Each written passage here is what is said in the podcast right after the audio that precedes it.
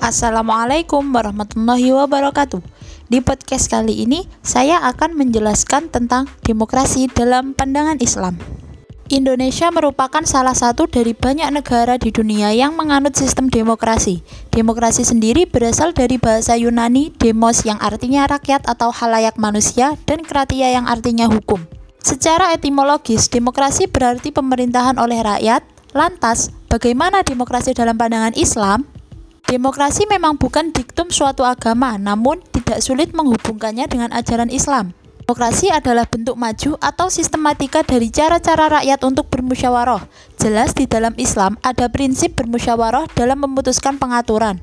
Demokrasi digunakan untuk mencapai kemajuan kemaslahatan bersama. Berkaitan dengan sistem kepemerintahan dalam bernegara, Islam memperjuangkan kesetaraan. Kaidah-kaidah kepemerintahan dalam Islam menekankan prinsip dan kesetaraan. Bentuk pemerintahan Islam adalah pemerintahan yang merujuk kepada syariat.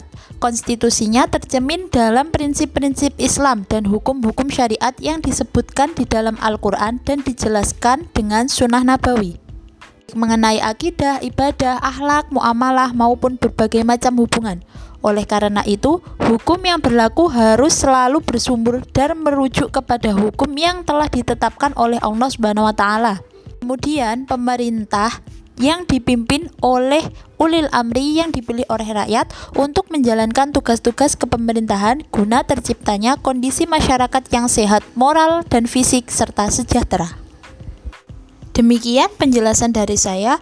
Kurang lebihnya saya mohon maaf yang sebesar-besarnya. Wassalamualaikum warahmatullahi wabarakatuh.